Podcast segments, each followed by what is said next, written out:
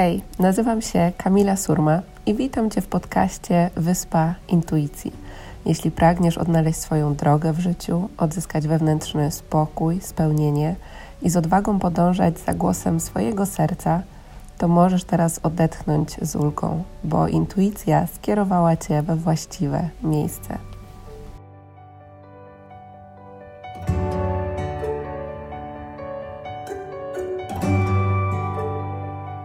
Cześć kochani, witam Was w kolejnym odcinku podcastu Wyspa Intuicji. Dzisiaj moim gościem jest Patrycja Jaskot, która jest po prostu kobietą mocy, jest tak ogromną inspiracją do tego, żeby podążać za głosem swojej intuicji, że ja po prostu nie mogłam się doczekać e, naszej dzisiejszej rozmowy, naszego wywiadu. I Patrycja jest e, dziennikarką, jest e, pasjonatką podróży, jest blogerką, coachem, założycielką marki Klosz, więc słuchajcie, mamy dużo, dużo dzisiaj do, do obgadania i dla mnie Patrycja jest taką inspiracją do tego, że nie trzeba wybierać jednej rzeczy w życiu, że można pozwalać sobie na ten przepływ, na podążanie właśnie e, za tym, co nas wewnętrznie rozpala. Dlatego witam Cię, kochana. I dziękuję Ci za przyjęcie, zaproszenie. Ja dziękuję za takie piękne przedstawienie. Ja już nam robię tutaj atmosferę i wiesz, nastrój, żeby nam było tutaj jeszcze milej. Pięknie. Więc bardzo Ci dziękuję za to zaproszenie. Co więcej, e, śmieszna była historia, bo odkryłam Twoją wiadomość z zaproszeniem do podcastu zupełnie przypadkiem. Ona mi gdzieś zniknęła. I dopiero jak oznaczyłam Cię, bo słuchałam Twoich podcastów i zarekomendowałam je u mnie na Instagramie, zobaczyłam naszą konwersację, że pół roku temu zaproponowałaś mi wspólny podcast i myślę sobie, no nie, Dokładnie, więc e, tak jak ci się nagrywałam, że taki divine timing, ja mówię, kiedy ma się wydarzyć, co się wydarzy i po prostu, no, także, e, także pięknie, cieszę się bardzo. E, kochana, jak e, chciałabym porozmawiać o, o Twojej drodze, o tym, jakie były e, etapy tej drogi, bo w społeczności jest dużo osób, które też szukają, szukają siebie, szukają tego, co robić w życiu. Mm, I taka, takie pierwsze pytanie Pierwsze było zamiłowanie do dziennikarstwa czy do podróży? Jak, to, jak ten początek tej drogi w ogóle też u Ciebie wyglądał? Ta droga oczywiście wciąż trwa, prawda? Tak, Więc tak, tak, tak. ciekawe nagrać taki podcast. Wiesz co, ja mm, myślę sobie, że to e, było ogromne szczęście, że ja od dziecka mm, czułam, co ja chcę robić. I ja znam bardzo wiele osób, które, tak jak powiedziałaś, poszukują, zmieniają albo wciąż nie wiedzą, co chcą robić, a ja po prostu miałam 5 lat, wyrwałam mamie lakier e, do włosów, stanęłam przed lustrem i zaczęłam prowadzić wiadomości. E, I ja wiedziałam, że ja będę pracować w telewizji. Mnie nie interesowało, że moi rodzice w ogóle nie są, e, nie są związani z tą branżą, że ja jestem jakąś tam dziewczynką jedną z miliona z Katowic, że ja, ja w ogóle nie pomyślałam o tym, że ten wielki świat, ten show biznes miałby być nie dla mnie. E, a znowu podróże cały czas się przewijały w tym moim dzieciństwie, dlatego że całe dzieciństwo miałam e, w pokoju z siostrą mapę świata e, i e, jak miałam 6 lat, to znałam wszystkie stolice, flagi. Ja wiedziałam z zamkniętymi oczami, gdzie jest Omen, Honduras, wszystkie kraje i to, to mój tata mi robił takie odpytki i ja naprawdę bardzo to lubiłam. No i też w związku z tym, że pracował jak byłam mała w księgarni, a nie było wtedy internetu, no to mój tata przynosił mi do domu takie ogromne encyklopedie, monumenty świata i ja jako dziecko kochałam oglądać te książki z Machu Picchu, z murem chińskim, e, Rio de Janeiro. I ja jako dziecko już wtedy byłam absolutnie przekonana, kiedy sięgnę pamięcią, że ja po prostu jak będę duża, to ja zobaczę te miejsca. Galapagos. I tak było. Większość tych miejsc, które wtedy oglądałam w tych książkach, w tych atlasach, już zobaczyłam. Mm, pięknie, pięknie. I to, co mówisz, to tutaj takie dwie rzeczy yy, mi się podobają, że właśnie to to, co przychodzi e, nam naturalnie, jak jesteśmy dziećmi, no nie, to później często jakby ty, ty, tak jak mówisz, poszłaś za tym i miałaś takie e, głębokie poczucie, że tak, to po prostu będzie to, co, co się wydarzy. E, dla wielu osób gdzieś tam po drodze, jak wchodzimy sobie w ten dorosły świat i to dorosłe życie, gdzieś tam odpychamy te takie nasze dziecięce marzenia, pragnienia, pasje, więc, więc fajnie, tak jak podkreśliłaś to, że po prostu to przyszło do ciebie i ty wiedziałaś, że, że to jest ten kierunek i i, że w tą stronę poszłaś. E, jak dalej wyglądała ta droga, kiedy już e, wiesz, wiedziałaś, co to jest, ale też jaką rolę e, intuicja też pełniła w całej tej drodze? Wiesz co, ja tak sobie myślę, I zaczęłam się nad tym zastanawiać stosunkowo niedawno, a jeszcze do tego nakłonił mnie nasz podcast i to, że będziemy o tym rozmawiać. Ja sobie tak myślę, Kamila, że mnie całe życie prowadzi ta intuicja, wiesz? Ja bardzo ufam sobie i ja e, miałam nawet niedawno taką rozmowę z moją znajomą, która mówi, powiedziała mi coś takiego, że wiesz co Jaskot, ty to zawsze jak to jakoś tak to wszystko po swojemu robisz, inaczej. A ja mówię, że bo ja robię tak, jak ja czuję. I wiesz, mm. y, ja bardzo szybko trafiłam do telewizji, bo miałam y, skończone 18 lat, bo zdawałam maturę rok wcześniej, w związku z czym rok wcześniej poszłam na studiach i już na studiach y, zaczynałam pracę w radiu, a potem w telewizji.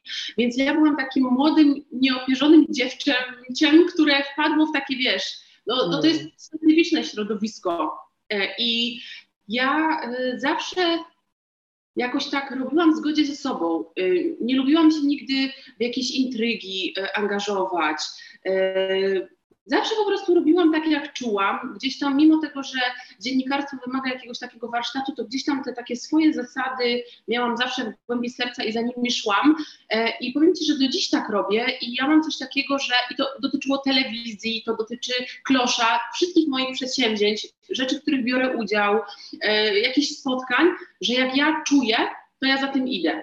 Jak ja nie czuję i pojawia się jakiś pomysł, który teoretycznie z racjonalnego punktu widzenia brzmi całkiem nieźle i może warto byłoby się w niego, w niego zaangażować, ale ja chodzę i on mnie tak, wiesz, gniecie, uwiera i ja czuję, że to nie jest to, to ja w to nie idę.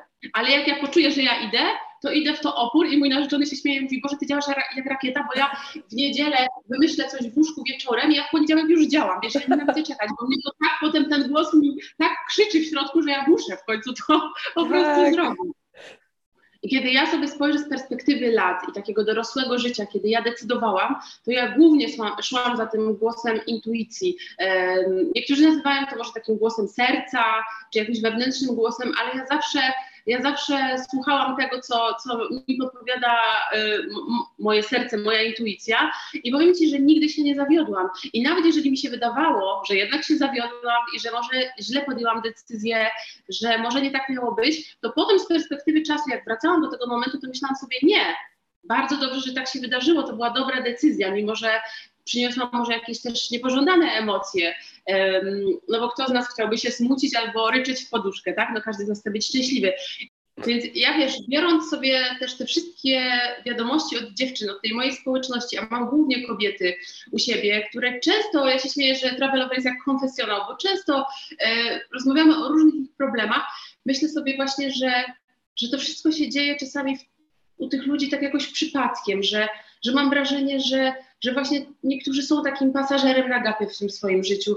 Jakimś tam sposobem, gdzieś tam przypadkiem znalazłem się w jakiejś pracy, ale w sumie chyba jej nie lubię, no ale nie wiem. E, jakoś tam przeszłam przez studia, jak to się stało, że zamieszkałam w tym mieście? No tak jakoś wyszło, wiesz, takie to jest, takie miałkie, a życie jest, a życie jest kolorowe, wiesz, może być takie mm, na maksa. Więc ja dziewczyny apeluję, żebyście i to jest, brzmi jak najgorszy banał świata, Paulo Coelho, ja wiem, ale w zgodzie ze sobą. Najważniejsze to zadać sobie pytanie, a czego ja chcę? Nie moja teściowa, mama, moja koleżanka czy szef. Czego ja tak naprawdę chcę? I myślę, że to jest słowo klucz i, my, i myślę sobie, że to pytanie brzmi jak banał, ale nie każdy potrafi sobie na nie od razu tak po prostu odpowiedzieć. Dokładnie, dokładnie. Też pamiętam tą y, moją drogę, jak ja zaczęłam odpakowywać właśnie te przekonania, o których mówisz, nie? że tutaj to, czego oczekują rodzice, czego oczekuje społeczeństwo, co ja tak powinnam ogólnie, teoretycznie robić no, w zgodzie z jakimś, nie wiem, schematem i, i w ogóle. I dopiero jak się to zaczyna odpakowywać, to się okazuje, że kurczę, ja mogę kreować, tworzyć takie życie, którego być może nie znam z żadnego innego przykładu, tak, ale to jest właśnie to, to wewnętrzne przeczucie, o którym e, mówisz. I, i takie wyzwanie też się pojawia mm, z tym działaniem, więc super, że właśnie też ty dajesz tą inspirację do tego, że w niedzielę się pojawia pomysł i to po prostu dajesz od razu tą energię w ruch, tak, wprowadzasz tą energię w, w ruch, e, to jest mega ważne, bo często jakby tkwimy w tym punkcie, mam takie poczucie, że no nie wiem, no niby czuję, ale to nie, jakby nie ma sensu, może tak nie jesteśmy w stanie tego w jakiś logiczny sposób wytłumaczyć i, e, i, i ta odwaga do działania w tym wszystkim jest rzeczywiście kluczowa. Wiesz co, ja tak sobie myślę, kiedy ty mówisz o tych właśnie oczekiwaniach społecznych, że mm, ja pamiętam taką rozmowę z moją mamą. Miałam chyba 26 lat, nie miałam wtedy faceta, byłam singielką przez kilka lat młodości, bo chciałam podróżować, więc to była taka świadoma decyzja, że nie wchodziłam w jakiś e, taki poważny związek, taki być może też jakoś, nie wiem, nie, nie, nie pojawił się w moim życiu. E, podróżowałam, no 26 lat, no wiesz, bez faceta, bez dziecka w drodze, bez ślubu, bez kredytu, no totalnie poza schematem społecznym. Pamiętam, kiedyś byłam w jakimś kraju, ja nie wiem, czy siedziałam w Azji i łączyłam się na WhatsAppie z moją mamą i e, moja mama pytała, no to kiedy wracasz? I ja coś tam powiedziałam, że no, że chyba wtedy i moja mama tak jakoś, nie wiem, czy ona to zrobiła nieświadomie, czy świadomie, powiedziała, dobra, to wracaj i bierz się za życie. Ja tak słucham, mówię tak, stop, ale co to znaczy bierz się za życie? Kiedy ja kocham swoje życie, jestem z niego dumna, jestem z siebie dumna, mam wymarzoną pracę, podróżuję, od 18 roku życia zarabiam swoje pieniądze, jestem absolutnie niezależna i tylko i wyłącznie moją sprawą jest to, czy swoje zarobione e, pieniądze wydam na e, drogie torebki, czy oddam je e, na akcję charytatywną, czy wybuduję sobie dom, albo będę mieszkała w kartonie. To jest moja sprawa. Jestem zadowolona z mojego życia, więc co dla ciebie oznacza wracaj i bierz się za życie? To znaczy, że co? Mm. I moja mama wtedy tak się zreflektowała, że, że co ona palnęła Rozmawialiśmy o tym, e, no bo jednak te takie właśnie powinności społeczne bardzo są silne w pokoleniu naszych rodziców, nie? No co to za życie, jak nie masz e, chłopa, dziecka, domu i e, auta w leasingu, czy tam w kredycie? No to nie życie. I wiesz, i moim zdaniem warto też się bronić przed tym, nie? Ja na przykład mm. ostatnio widziałam Insta story o ślubach u kogoś, kto brał ślub i właśnie pytał o to, co zostało wam narzucane przez innych ludzi e, na ślubie. No i dziewczyny pisały, słuchaj, takie rzeczy, że na przykład a teściowa pokryjomu zmieniła smak tortu, bo taki wolała, a y, ciotka zmieniła mi y, zupy i jadłospis, bo coś tam wolała. Jest tak myślę, że wiesz, czytając te wiadomości, mam wrażenie, że ludzie w ogóle nie protestują, bo ludzie tak, powinni też tak. Stawiać granice. Nie wiem, jeżeli wujek zadaje niewygodne pytania przy stole świątecznym, a wujka widzimy raz na rok i generalnie wujek Henio nie ma wpływu na nasze życie realnie, ale ciągle się pyta, kiedy będę w ciąży, a ja nie chcę odpowiadać na to pytanie, albo nie mam faceta, albo nie chcę być matką, albo nie mogę, to mówię, wujek Heniek, to nie jest twoja sprawa. Wiesz, a ludzie tacy są... Tak. Przecież ja nie muszę odpowiadać na pytania wszystkich ludzi i przyjmować złotych rad. Mogę powiedzieć dziękuję, nie chcę tego, to jest twoje życie, ja mam swoje, dziękuję, do widzenia.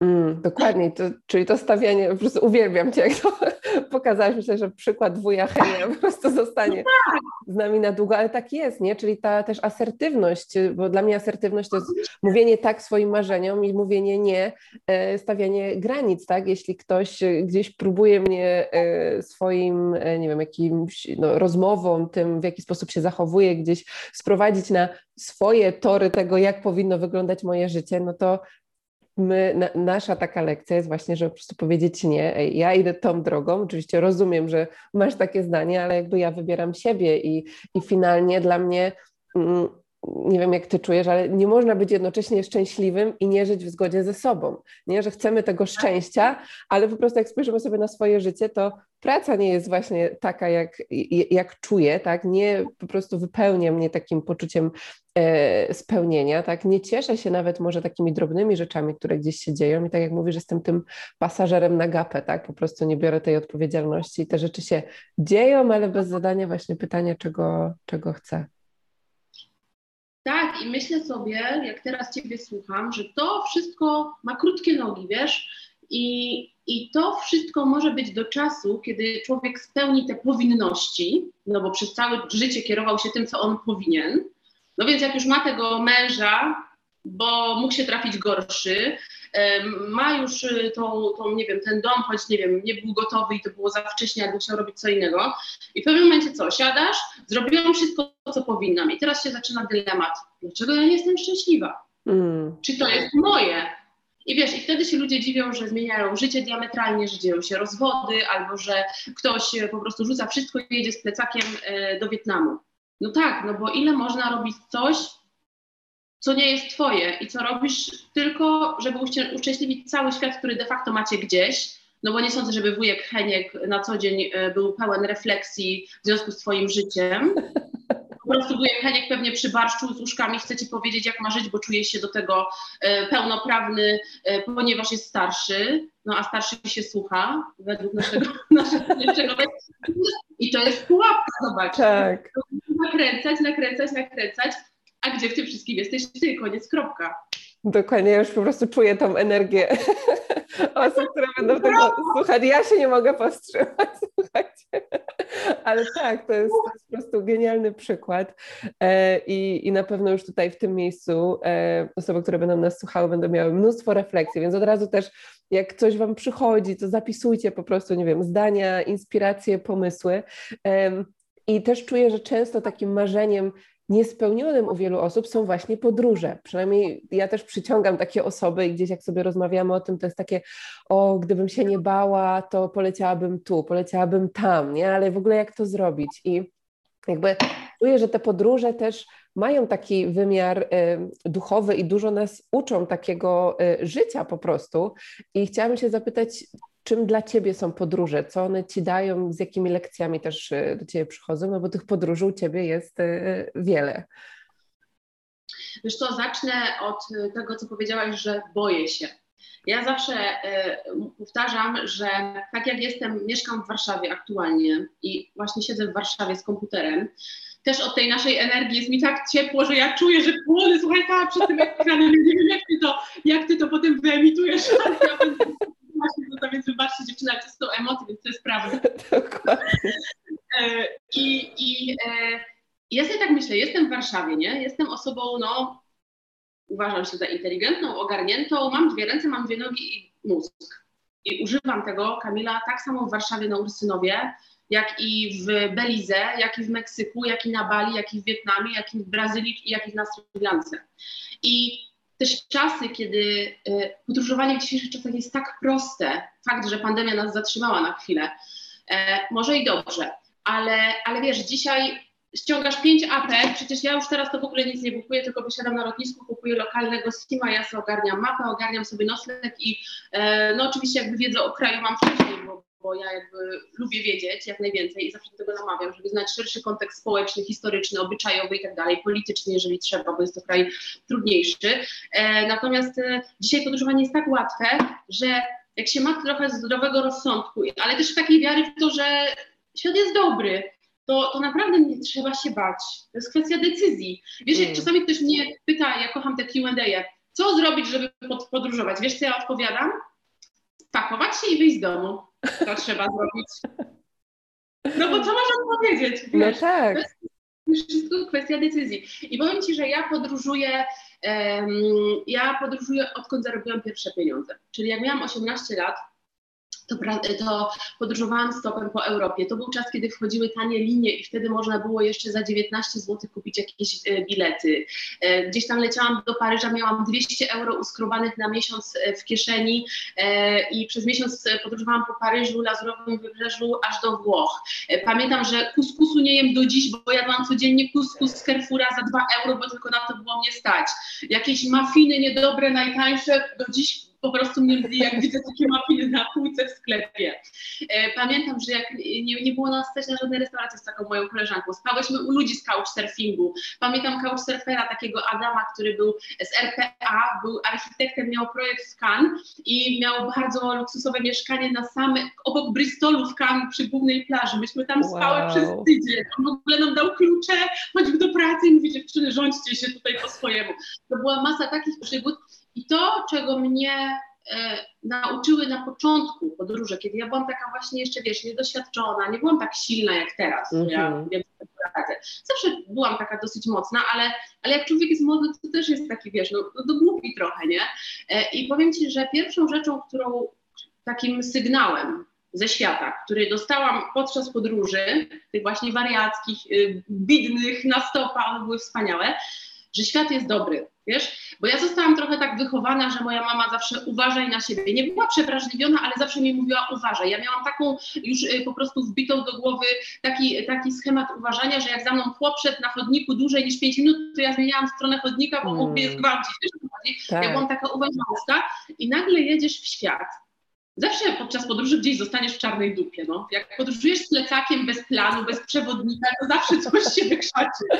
I może ja byłam na końcu świata, ludzie, którzy nie znali angielskiego i który, z którymi po prostu body language wchodził tak, pomagali mi zupełnie bezinteresownie. Jakoś w ogóle mm. ja tyle dobra dostałam na świecie, że ja wracając z tych podróży mówię, Boże, świat jest dobry. Mm. Świat jest dobry pełen dobrych ludzi, dzieją się różne złe rzeczy, bo to też nie jest kwestia takiej skrajnej naiwności, tak? Trzeba tak. racjonalizować i oceniać sytuację, z kim czuję, że mogę się zakumplować i spędzić dzień, a od kogo lepiej y, się gdzieś tam ulotnić. Ale, ale ja miałam takie poczucie, że świat jest dobry i powiem Ci, że u mnie było super kombo, bo praca reportera w telewizji, w której doświadczasz codziennie nowych rzeczy. Jednego dnia jesteś na kardiochirurgii u profesora Zembali i widzisz e, operację na otwartym sercu. Drugiego dnia robisz materiał o bezdomnych. Trzeciego dnia jedziesz i rozmawiasz z premierem. Czwartego dnia e, jesteś u kobiety, która jest w ciąży, ale przechodzi raka i nie wiadomo, czy przeżyje ona i dziecko. I wiesz, to jest taki kombo doświadczeń, taka lekcja pokory, więc do tego jeszcze te podróże, gdzie widzisz, co to znaczy prawdziwa bieda, gdzie zastanawiasz się, czy może kupić sobie torebkę, a widzisz, że dzieci chodzą zamiast y, w butach, to w oponach owiniętych sznurkiem, wiesz, i widzisz takie rzeczy i nic cię piękniej nie rozwija, nie daje ci lepszej lekcji życia niż te doświadczenia. Bo ja bym mogła przeczytać milion książek, oczywiście tak. kocham książki, ale nic mnie tak nie rozwinęło jako Patrycję Jaskot, jak podróże ze wspaniałym połączeniem mojej reporterskiej pracy, w której dojrzewałam jako człowiek, jako dziennikarz, jako kobieta, wiesz, rozwijałam się tam od 18 roku życia.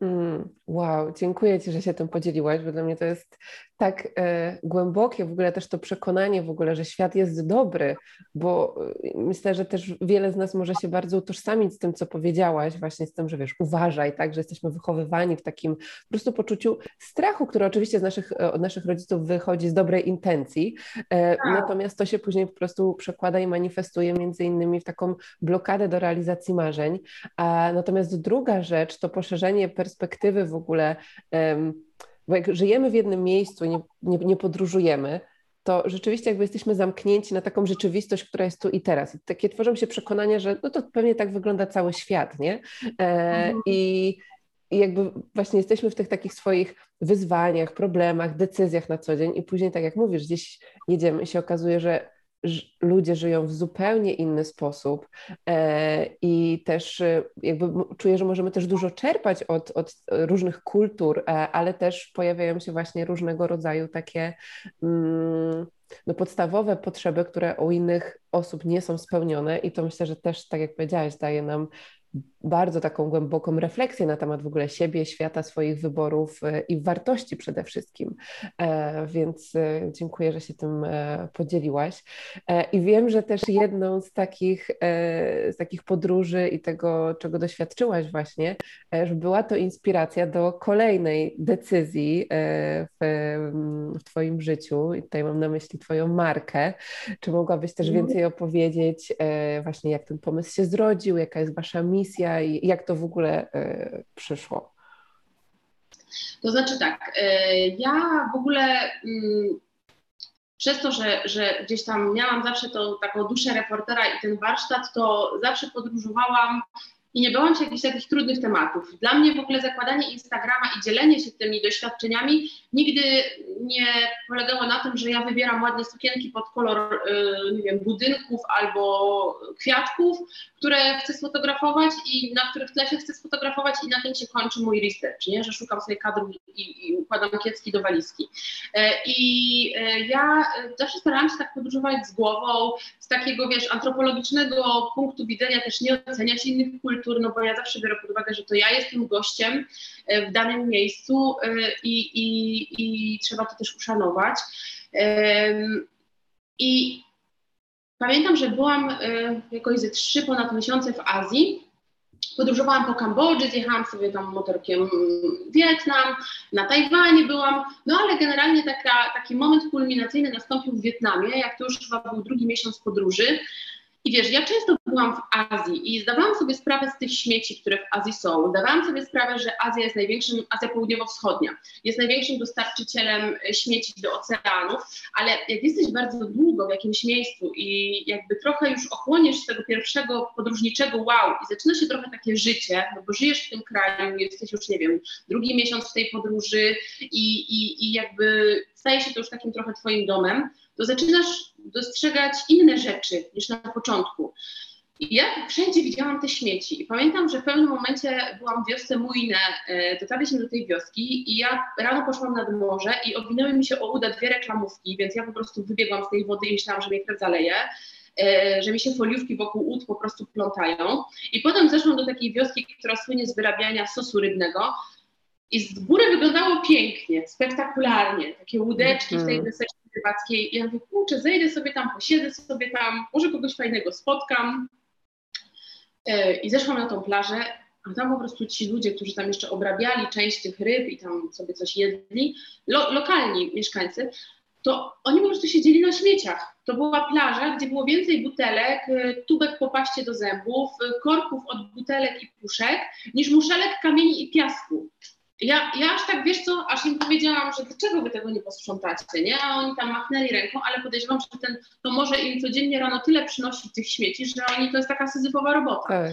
No i, i ja mówię, kurczę, taki, taki, wiesz co, takie z tą falą tych śmieci, takie tsunami po prostu y, takiej frustracji, takiej złości i takiej niezgody, że ja mówię, kurde, to tak ma wyglądać ten świat, ja chcę, żeby moje za 30 lat też ruszyły w podróż i, i co one zobaczą wtedy? I zaczęłam e, czytać. I to był moment, kiedy ja zaczęłam się tym interesować bardziej. Zaczęłam czytać o plastiku, e, o jego właściwościach, zaczęłam czytać książki, które były mega wartościowe, właśnie o tym, jak zmienić nawyki. E, no i zaczęłam to, te moje odkrycia też pokazywać na Instagramie i metodą małych kroków, ja, która te, nie wiem, 4 lata temu nie wyobrażałam sobie życia bez butelki w plastiku i w ogóle nie myślałam o tym, żeby, żeby jakoś być bardziej eko, e, zaczęłam robić naprawdę duże zmiany. Te zmiany dziś, jak ktoś mnie o nie pyta, już są, mam tak po prostu, w, to już jest, mam w krwi, wiesz, że tak. ja po prostu i dla mnie to jest oczywiste, że zamiast y, płynu do płukania 5-litrowej butelce do prania, ja kupuję y, ocet za 2 zł w szklanej butelce spirytusowej do płukania prania, że ja y, kupuję naturalne mydło w kostce, które pani mi zawija w papier, a nie idę po butlę litrową żelu pod prysznic pełnego chemii, że nie wiem, używam regularnie mm, szamponu do włosów w kostce, że u mnie w domu nie kupuje się wody w plastiku. I są takie rzeczy, które już są dla mnie dzisiaj oczywiste, ja już bym tego nie mogła zmienić inaczej. Mm ale właśnie taka, żeby odpowiedzieć już na Twoje pytanie i nie przedłużać, była takim kolejnym krokiem. Wiesz, na pewnym etapie, jak ja już zrobiłam porządek w kuchni, w lodówce, to ja zajrzałam do szafy i ja patrzę i mówię tak, poliester, poliester, nylon, akryl, poliester. Ja sobie myślę, Jesus, to ja usuwam plastik z mojego życia, robię rewolucję, truję głowę znajomym i rodzinie, a chodzę w plastikowych ubraniach. W dodatku zaczęłam czytać o tym, że plastik jest endokrynnie czynny, więc wiesz, więc to wszystko przenika do naszego DNA. Potem sobie myślę, no jasne, my mamy wszystkie jakieś Hashimoto, mamy problemy y, hormonalne z płodnością, ale łazimy w majtkach plastikowych, łazimy po prostu codziennie w sukienkach plastikowych, kiedy tak naprawdę w ubraniu spędzasz większość swojego życia. Mm. I tak sobie pomyślałam, ja chcę mieć zdrowe ciuchy, ja chcę się czuć dobrze, a potem mówię, kurczę, ale pewnie inne dziewczyny też by chciały tylko one nawet nie wiedzą, że chcą. I wiesz, od początku, i wymyśliłam tą markę, to było jakoś, to było na jesieni, jak już taki miałam pomysł na to taki skrystalizowany, a w marcu, dwa dni po ogłoszeniu przez świat pandemii, ruszyliśmy marką. Ale wiesz co, ja sobie od razu pomyślałam, że za tym musi stać coś innego niż tylko kup. Ja musiałam ludziom wytłumaczyć, o co tutaj chodzi i co oni kupują. Dlaczego moja koszula za 349 zł jest lepsza, niż koszula za 349 zł z sieciówki. Czym ona się hmm. różni? Wiesz, ja poszłam zupełnie, oczywiście nie na skróty, tylko po prostu przez Szczecin i Poznań do Zakopanego. E, I zaczęłyśmy z dziewczynami tworzyć bardzo dużo treści takich edukacyjnych. Wydałyśmy darmowego e-booka. Teraz wchodzimy na jesień z ekologicznymi jeansami i mamy już prawie napisanego mhm. kolejnego darmowego e-booka, którego roześlemy do kilku, czy mam nadzieję, że do kilkunastu tysięcy osób, e, wszystkich z newslettera, z Travelover, żeby ludzie zrozumieli o co chodzi, czym jest bawełna organiczna, a czym jest ta bawełna konwencjonalna, czyli ta zazwyczaj ja na nią mówię sklepowa, nie? bo nam się wydaje, że a to jak kupię bawełniany t-shirt, to lepiej. Wcale nie. I to są to takie niuanse, tylko że wiesz, ja nie mam do nikogo o to pretensji, bo Kamila, nas tego nikt w szkole nie uczył. Tak jak nas nikt nie uczył o tym, jak przeżywać emocje, tylko tak. pamiętam do tak. gdzie wymienialiśmy, że jest siedem tych emocji, ale co dalej z nimi, to nie wiadomo. Tak nikt nas nie uczył, jak e, żyć e, w trosce o, o swoje zdrowie i naszej planety. My musimy się tego nauczyć teraz. Mm, pięknie, może miałam takie ciarki, jak o tym wszystkim mówiłaś, bo z jednej strony jest to.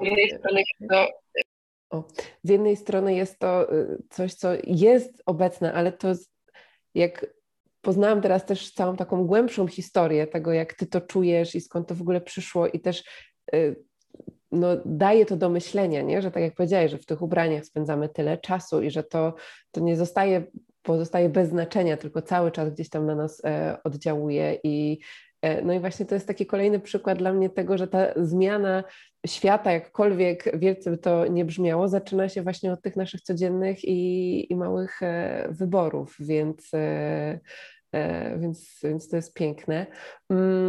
No właśnie, ale też od tej strony takiej już, wiesz, biznesowej, tego, że no jest to jakieś nowe wyzwanie, tworzysz swoją markę, zaczyna się pandemia też, wiesz, jak to, jak to wszystko wyglądało, jak sobie radziłaś, wiesz, z tą presją i też jakby stworzenie marki odzieżowej, jak sobie o tym myślę, ja też obserwowałam e, tam cały proces i, i w ogóle, no to jest, ja mówię tak, Boże, ile to jest kroków, które o których trzeba pomyśleć, tak? I osoby, które będą y, uczestniczyły w projekcie i później w realizacji. I to jest jakby zupełnie coś innego niż, nie wiem, tworzenie kursu online na przykład, tak? Gdzie tylko jakiś, y, nie wiem, koszt czy jakieś ryzyko ponosisz w takiej przestrzeni online, a tutaj jest jednak no, zupełnie inna skala już.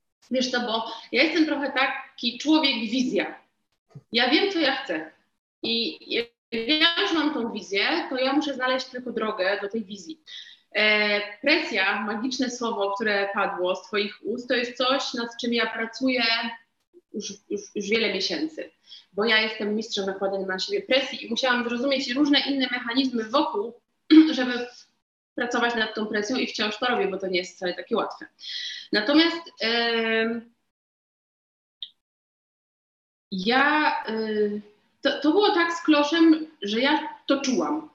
Ja wiedziałam, że to się uda, ale y, myślę sobie, że gdybym była zupełnie osobą, w związku z tym, że klosz wyrósł na moim wizerunku jako travelover i miałam genialną społeczność i uważam, że w ogóle mam super społeczność, gdyby nie to, ja bym nigdy się nie odważyła na założenie marki od zera, na zaciągnięcie jakichś kredytów i y, władowanie pieniędzy w digital marketing, który może przynieść efekt, ale wcale nie musi. E, I, i, I dla mnie siłą napędową było to, że ja od początku tą markę pokazywałam ludziom. Ona jeszcze nie istniała, ale ja ludziom mówiłam, że, że szukam materiałów, że, że myślę, jak się do tego zabrać, że poznałam kogoś tam, że że już mamy pierwszy model, że jadę do szwalni, pokazywałam panią Dorotkę i panią Elę, które na początku szyły te rzeczy. I wiesz, i ci ludzie byli wkręceni w tą całą historię tych moich różnych przygód, bo to czasami były po prostu wzloty i upadki. E, nim Klosz ruszył i potem jak e, Klosz miał swojego Instagrama, i pamiętam, jak tam chyba pierwszego dnia kilka tysięcy osób przeszło i ja myślę sobie rany, że ludzie mi dają też taką szansę, nie? Żeby, tak. że kurczę, żeby się, że mogę się wykazać i, i, i dają mi tą szansę. I pamiętam, jak e, w poniedziałek świat ogłosił oficjalnie, że jest pandemia, a my mieliśmy w środę e, mieć e, premierę. I wtedy świat zalała też taka informacja, to co teraz będzie z biznesem, wszystko upadnie, no bo my zostaniemy w domu, lockdowny, ile to potrwa, miesięcy, lat, dni, nikt nie wiedział. I ja tak sobie myślę, hmm, no tak, dziewczyny zostaną na kanapie w dresach, po co im te ładne sukienki z, z ten celu z eukaliptusa albo z wiskozy bambusowej. I tak miałam rozkminę, yy, płakałam, piłam wino, płakałam, rozmyślałam, ale potem doszłam do wniosku, że ja myślę sobie tak, okej, okay, to teraz pytam o siebie, nie? Najpierw mm. o innych, o siebie. Czy ja chcę się wycofać? I ja to sobie pomyślałam tak, włożyłam tam tyle serca, tyle oszczędności, tyle czasu, tyle nieprzespanych nocy, że ja nie mogę się teraz wycofać i nie spróbować. mówię, dobra, wyjdzie jak wyjdzie. Ja też zawsze, mimo tego, że lubię ryzyko, to jestem taka, wiesz co, rozsądna w tym ryzyku. Zawsze sobie zostawiam taki margines mm -hmm. mojego e, na zasadzie takiej, że ta marka nie była dla mnie być albo nie być, to znaczy ja na tyle zdywersyfikowałam swoje dochody, że ja wiedziałam, że jeżeli to nie pójdzie, to będzie po prostu tak. przygoda, lekcja, jakaś tam nauczka dla mnie, ale to nie będzie tak, że ja nie będę miała na czynsz, nie? Bo ja nie chciałam, żeby tej marce też takie wszystko na jedną kartę i jak się nie sprzeda, to ja leżę po prostu i kwiczę, a jak się sprzeda, to, to mam z czego żyć. I pamiętam, że, e, że 18 po tej premierze padł serwer i no, sprzedało się 3 czwarte tego sklepu. I ty nawet nie wiesz, jak ja płakałam, wiesz, bo ci ludzie teoretycznie nie wiedzieli, co to w ogóle jest. Kupili, wiesz, sukienkę w czasie, kiedy właśnie ogłosili lockdown, która około 300 zł, więc wiesz, relatywnie nie jest to, to, to 300 zł to już jest taki zakup, na który podejrzewam większość z nas się zastanowi. I, i, I to mi dało ogromną siłę i do dziś mam absolutne przekonanie i też e, wyniki nasze mówią o tym, że mam tak zaangażowaną społeczność na Instagramie, że Instagram nasz bardzo dużo sprzedaje. Mm. Bo ktoś na nas i też wiesz, zmienia się w ogóle profil konsumenta niż kiedyś. Teraz dziewczyny są zaangażowane, wchodzą w relacje z marką, z jej twórcami. One już mnie pytają o jesień. E, one wiedzą, że Patrycja jest na Instagramie, bo ja o ile mogę oddać newslettery czy, czy, czy obsługę klienta, to Instagrama nie oddam. Więc one wiedzą, że tam jest Patrycja, więc czasami o coś zapytają.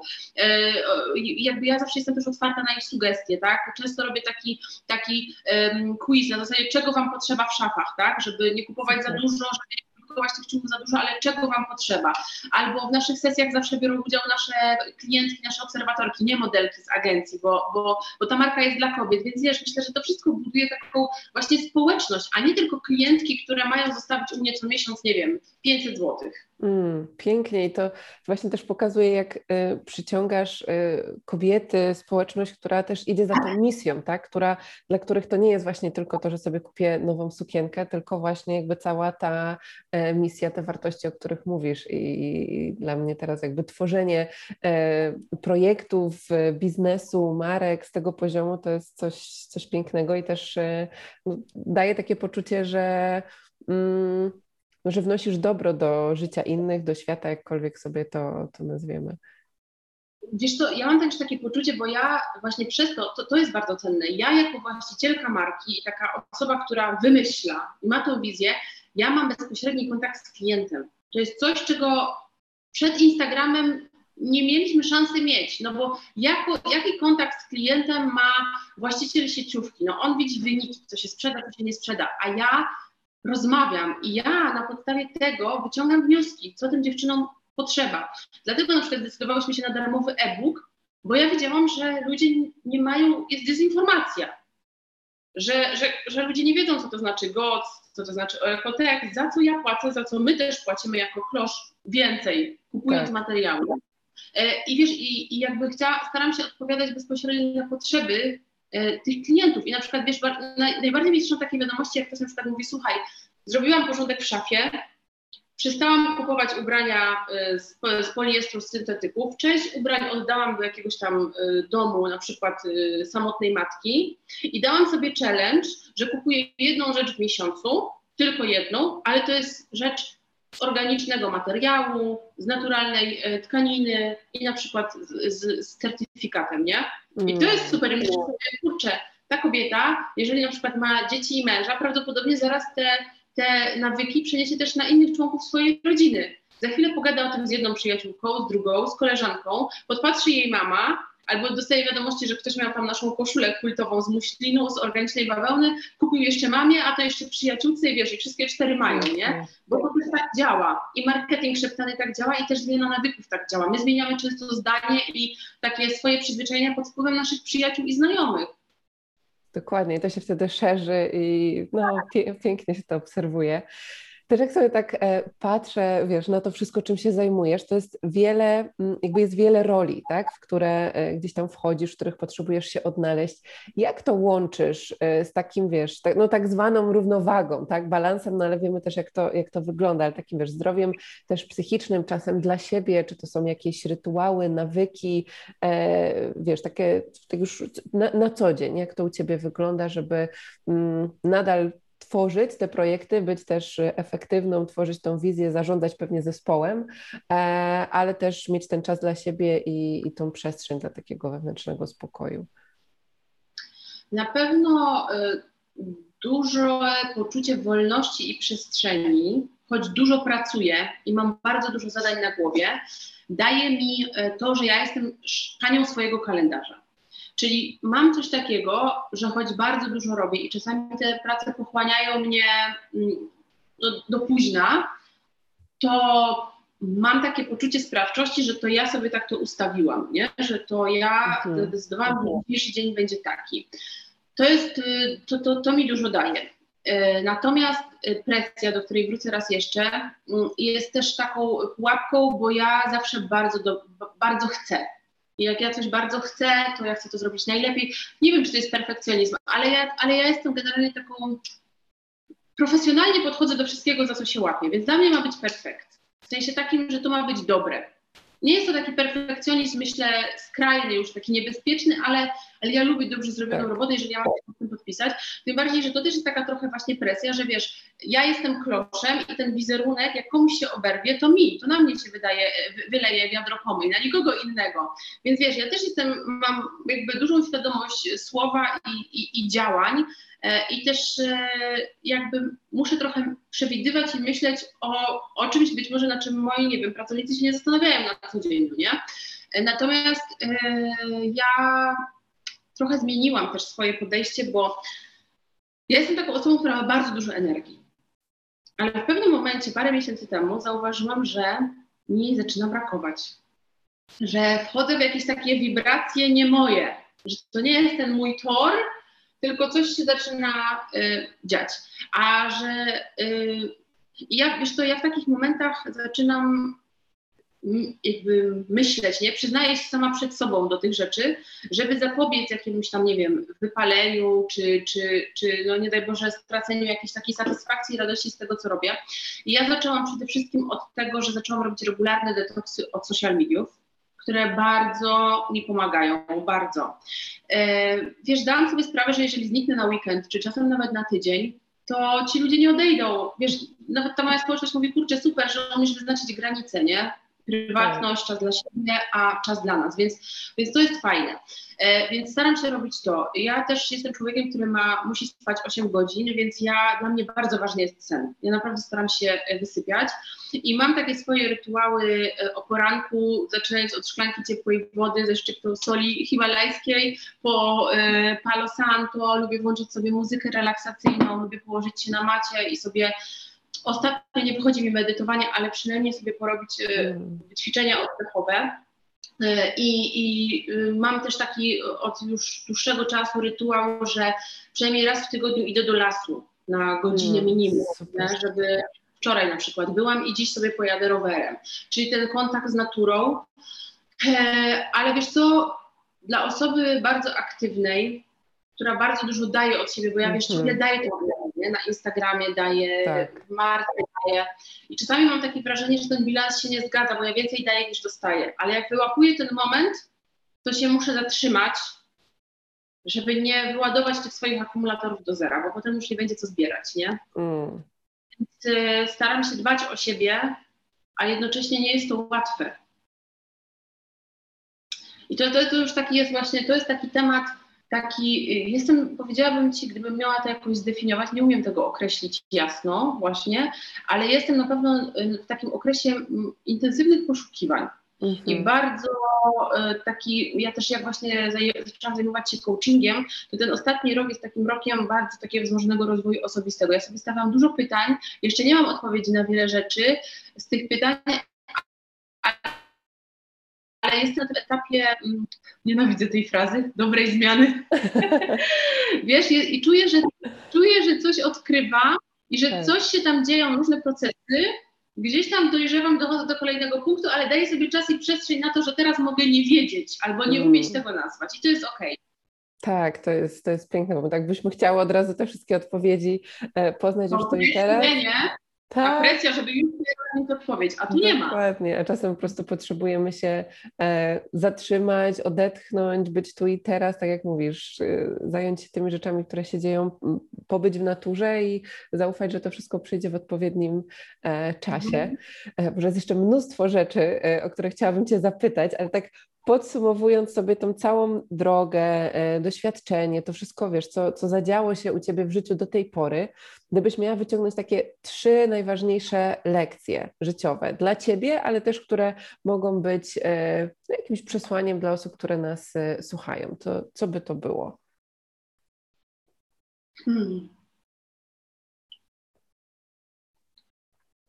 Na pewno robić w zgodzie ze sobą, bo wiem, że jeśli robię w nie, nie w zgodzie ze sobą, to mnie gniecie i uwiera. I moje ja nie pozwala mi na to. A ja nie lubię dyskomfortu. Ja lubię czuć komfort, czyli mm. żyć w zgodzie ze sobą. Nawet jeżeli jest trudno, nawet jeżeli trochę się idzie naokoło, to mieć takie przekonanie, że ja to robię, bo to jest moje. Kolejną rzeczą myślę sobie, że to jest stawianie granic, bo to jest ok. Ja nie muszę e, dopasowywać się do całego świata. Ja nie muszę znosić pytań wujka Henka. Ja nie muszę spotykać się z osobą, która nie ma dobrego wpływu na mnie e, albo wprowadza mnie w jakieś, e, wysysa ze mnie energię, jest wampirem energetycznym albo wprowadza mnie w jakieś dziwne stany. Nie muszę. Mogę powiedzieć, że nie. E, nie muszę się godzić na wszystko. Mogę wybierać. Więc myślę, że te granice w połączeniu z tą taką asertywnością, o której robiłyśmy, mówiłyśmy w kontekście właśnie tego, a czego ja chcę, jest bardzo ważne. E, I też, gdybym miała tak powiedzieć o jakiejś trzeciej rzeczy, to zaufać. Zaufać sobie przede wszystkim, e, bo mi się właśnie bardzo podoba taka e, główna myśl w, w coachingu, że to ty jesteś ekspertem od swojego życia. Nie? Coach ci nie mówi, tak. jak masz żyć. Nie przyjdziesz, nie, on ci nie da tutaj spisanych 10 rad. Ty zakładasz, że twój klient jest ekspertem od swojego życia, a ty tylko odpowiednimi pytaniami, które poszerzają jego perspektywę, pozwalasz mu znaleźć odpowiedź na pewne pytania. I to jest piękne. Więc zaufać sobie, że ty naprawdę wiesz, czego chcesz i, i, kim ty jesteś, tylko się musisz dogrzewać, bo te przekonania, powinności, to tak. odkładanie siebie na później to gdzieś tam zakopało i trzeba to odkopać. E, I też zaufanie do świata. Nie? Czasami na przykład, tak jak powiedziałaś, ja teraz mam taki czas, że, że trzeba trochę zaufać, że ja wiem, że ten los mi sam podrzuci tą odpowiedź, ja do tego dojdę. O co, o co mi teraz tak. chodzi? Dlaczego ja mam lasu, dlaczego mam problem z tą taką medytacją, że nie umiem tak się skoncentrować, że te myśli mi krążą i to wszystko mi krąży. Ja tego teraz nie wiem, ale ja ufam, że ja się dowiem za jakiś czas. Mm, I nie katuję się, że nie wiem teraz. Więc to by były te trzy rzeczy. W zgodzie ze sobą, stawiać granice i zaufać sobie i, i światu. Mm, cudownie, pięknie. Dziękuję Ci, kochana. Tak, e, cudowne podsumowanie naszej rozmowy. I takie ostatnie pytanie: czy jest coś, czym byś się chciała podzielić, a o co Cię na przykład nie zapytałam? Czy jest coś jeszcze takiego? Myślę, że nie, bo wyciągnęłaś ze mnie mm, takie moje fundamenty, wiesz? To, o co mnie zapytałaś, to, co ja też Ci powiedziałam, to są takie rzeczy, które są tym takim fundamentem, który mi pozwala iść przez życie. Mm. Że ja nie, nie wątpię w siebie, w to, co chcę, właśnie dlatego, że ja, że ja czuję siebie, jestem ze sobą w kontakcie i, i ufam sobie, że, że skoro podejmuję jakąś decyzję w danym momencie, to znaczy, że w tym momencie jest to najlepsza decyzja, jaką mogłam dla siebie podjąć. Mm, pięknie. I, tak, i ta perspektywa jeszcze, o której właśnie powiedziałaś, że my czasem sobie wyrzucamy, nie? że Boże, podjęłam kiedyś taką decyzję, ale jak sobie spojrzymy z tą perspektywą, o której wspomniałaś, że to była najlepsza decyzja, jaką mogłam podjąć, z tą świadomością, doświadczeniem i tym, jakim etapie byłam e, w życiu w tamtym momencie, nie mogłam podjąć lepszej, tak? Bo to była najlepsza, jaką wtedy podjęłam. To myślę, że to też. Tak, i to jest właśnie tak. moja odpowiedź na to, jak ktoś mnie pyta, czy ty czegoś czasami żałujesz? No nie, bo skoro ja wtedy podjęłam decyzję, to znaczy, że wtedy to była najlepsza decyzja, jaką mogłam podjąć. Więc nie tak. żałuję, no bo to by było totalne zaprzeczenie jakby tej, tej mojej słuszności, nie? Wtedy, tej intuicji właśnie, tego głosu. Mm, pięknie. Boże, mam tyle energii po naszej rozmowie. Bardzo dziękuję za ten poranek. Tak, ja też dziękuję pięknie. E, I powiedz jeszcze proszę osoby, które jakimś cudem Cię jeszcze gdzieś nie obserwują, nie znają, e, gdzie, e, gdzie mogą też tak na bieżąco być Twoją twórczością i obserwować to, co tworzysz i jak działasz. No myślę, że najchętniej bym zaprosiła na Travelover .pl na nasz, na, na, na, Instagram, a z Instagrama można travel, z Instagrama Travelover możecie przejść na Klosza, bo tam mam też w biogramie e, takie zdanie, że właśnie robię zdrowe ubrania, jest odnośnik do Klosza, więc jeżeli macie ochotę, to, e, to po prostu sobie zobaczcie też, jak się ktoś zapisze do naszego newslettera, to od razu za darmo dostaje też takiego mini e-booka. Jeżeli Super. ktoś na przykład poczuł się zainspirowany tym, że zrobi dzisiaj albo jutro, albo w najbliższą sobotę porządek w szafie, to zapisując się na stronę www.kloszstore do naszego newslettera dostajecie z automatu taką pigułkę zdrowa szafa, czyli jak skomponować kapsułową garderobę, e, jak w ogóle zrobić porządek w szafie, więc, więc zachęcam i bardzo Was zachęcam do tego, żebyście w ogóle się otworzyli na takie dobre zmiany. O. Mm, pięknie. Dziękuję Ci raz jeszcze. Wszystkich zapraszamy pod te adresy. tak jest. E, no i na pewno do zobaczenia. Myślę, że będzie jeszcze jakaś tutaj kontynuacja, bo, bo tematów jest dużo. Także jeszcze raz Ci dziękuję za wszystko, dziękuję. czym się podzieliłaś, tą po prostu ogromną dawkę energii i, i inspiracji. Dziękuję i, i, trzymam kciuki za e, nasze e, słuchaczki, e, za, za Twoje obserwatorki, które będą e, miały okazję wysłuchać tego podcastu czy zobaczyć ten film, e, żeby właśnie postawiły siebie na pierwszym miejscu, ale nie w takim właśnie pejoratywnym, egoistycznym przekonaniu społecznym, tylko tak. żeby naprawdę pogadały szczerze same ze sobą, bo tam bardzo dużo się kryje odpowiedzi. Mm, Dzięki. Dziękuję. Pa.